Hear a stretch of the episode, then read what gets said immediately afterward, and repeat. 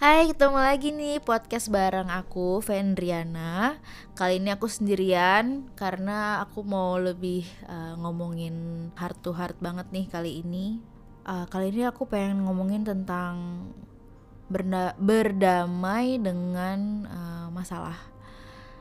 Mungkin di sini banyak dari kalian yang lagi ada dalam suatu masalah yang bikin kalian stres, bikin kalian gak bisa tidur, sakit hati, patah hati, nangis-nangis setiap hari, menyesal, merasa bego banget sih gue, terus ngerasa nggak bisa ngapa-ngapain. Aku mau cerita. Jadi um, dari dulu aku tuh tipikal orang yang nggak suka nyari ribut, nggak suka banget. Berteman ya sama siapa aja, mau dia misalnya anaknya nakal atau gimana ya menurut aku ya nakal tuh masing-masing aja. Ya gue nya jangan ikut nakal tapi kalau emang untuk berteman dia orang yang baik ya kenapa enggak gitu. Tapi pernah ada satu momen waktu aku sekolah aku merasakan yang namanya dibully. Dibully. Dibully karena hal yang sebenarnya bukan salah gue juga kali ya menurut aku loh ya. Bukan salah gue karena waktu itu kayak dibilang ngerebut pacar orang gitulah. Biasalah sekolah. Terus masalahnya kenapa ini membekas banget? Karena aku nggak pernah sama sekali mengalami bully dan aku merasa kayak gue tuh bisa kok berteman sama semua orang gitu. Dan gue kan nggak pernah cari masalah kenapa ini terjadi di gue gitu. Dan susah banget buat ikhlas setelah kejadian itu. Butuh bertahun-tahun buat akhirnya aku bisa uh, bangkit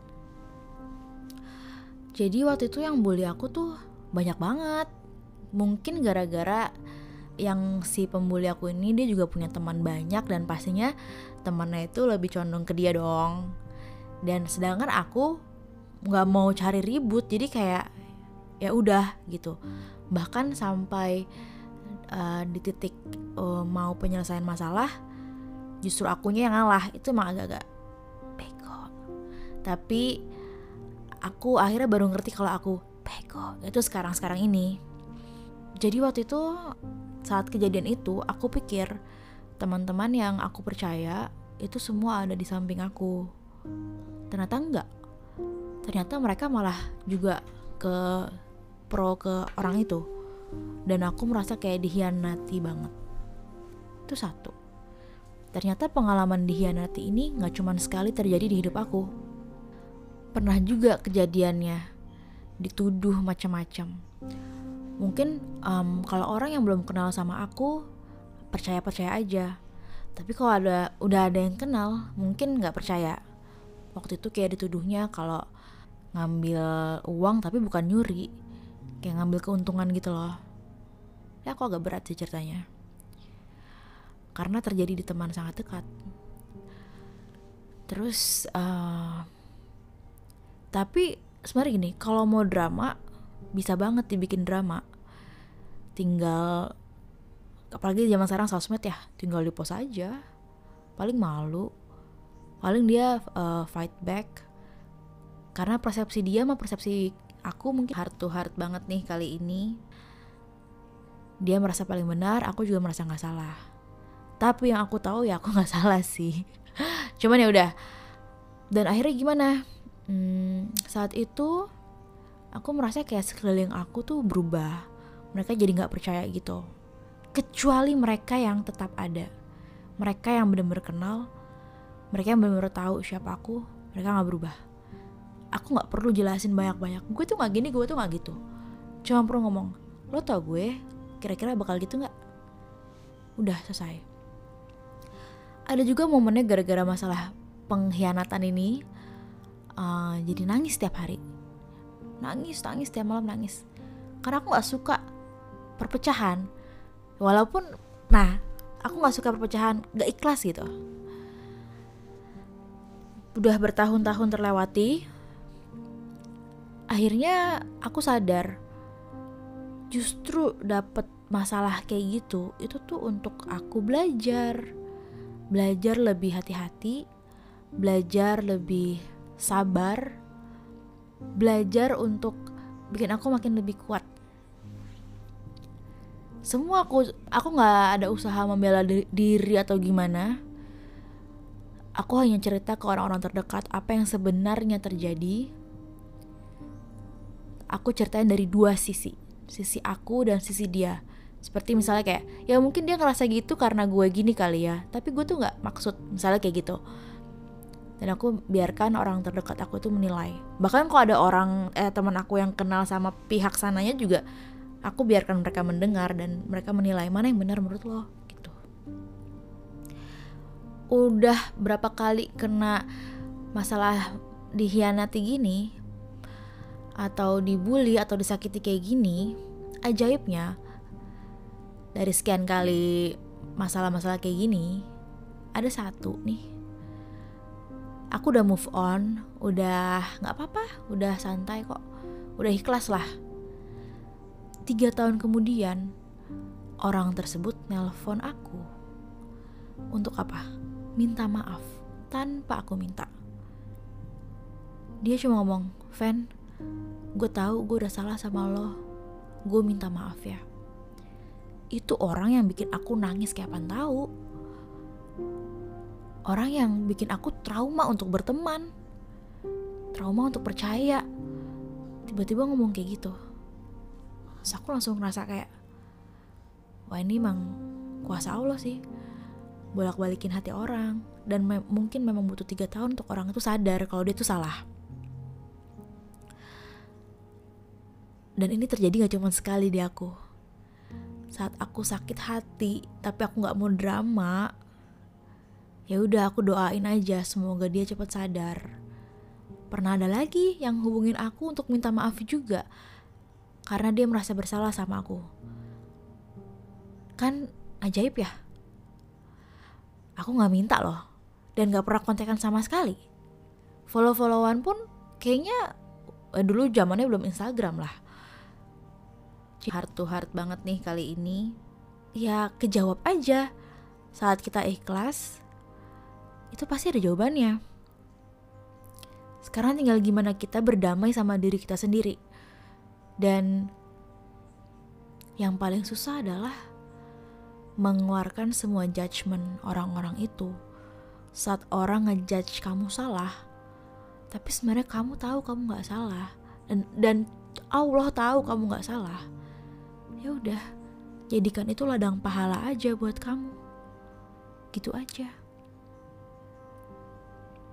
soalnya kita nggak bisa klarifikasi sana sini minta dimengerti gak ada aku yakin gak, gak semua orang yang dengerin curhatan kita tuh ngerti gitu mereka cuman ya mau bantu aja memberikan kenyamanan aja buat kita dan kalau misalnya setiap ketemu orang aku cerita aku cerita lah jadi ngomongin orang, dosa lagi di gue.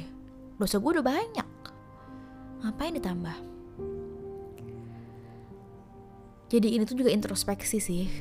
Berarti memang ada kesalahan yang kita buat.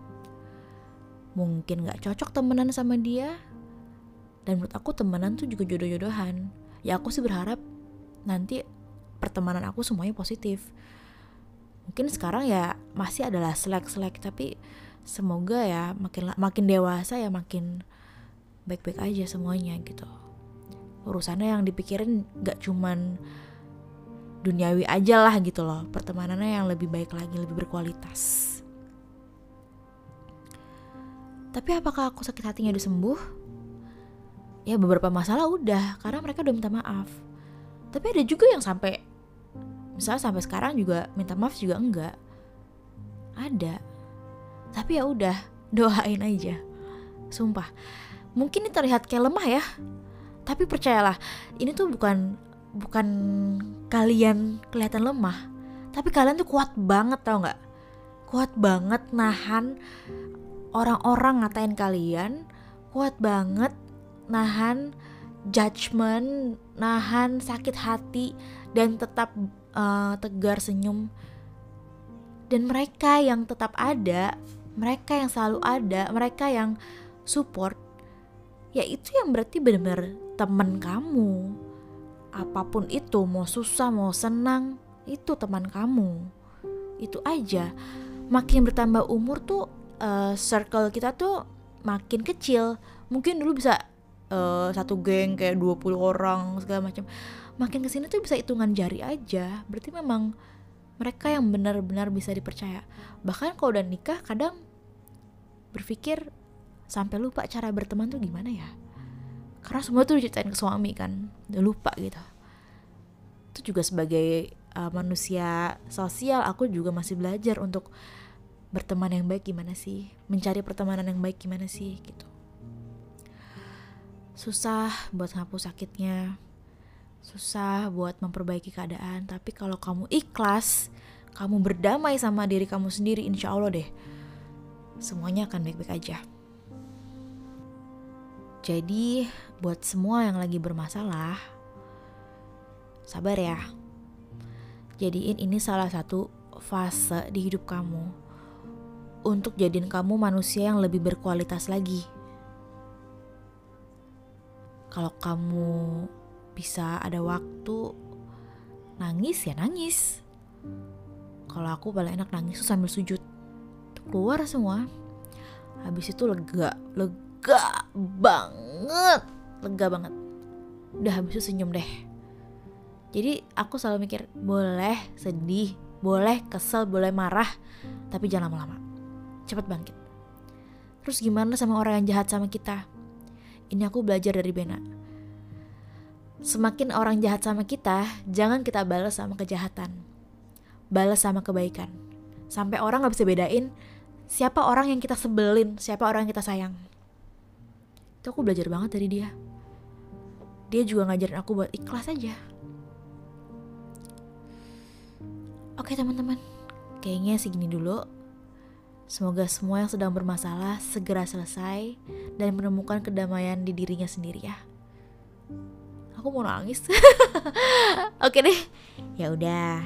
Sampai ketemu di podcast selanjutnya ya. Kalau kamu udah denger ini share di instastory tag aku tag Bena at Vendriana at Bena Kribo. Kasih masukan juga tentang konten hari ini atau konten ke depannya. Oke terima kasih. Dadah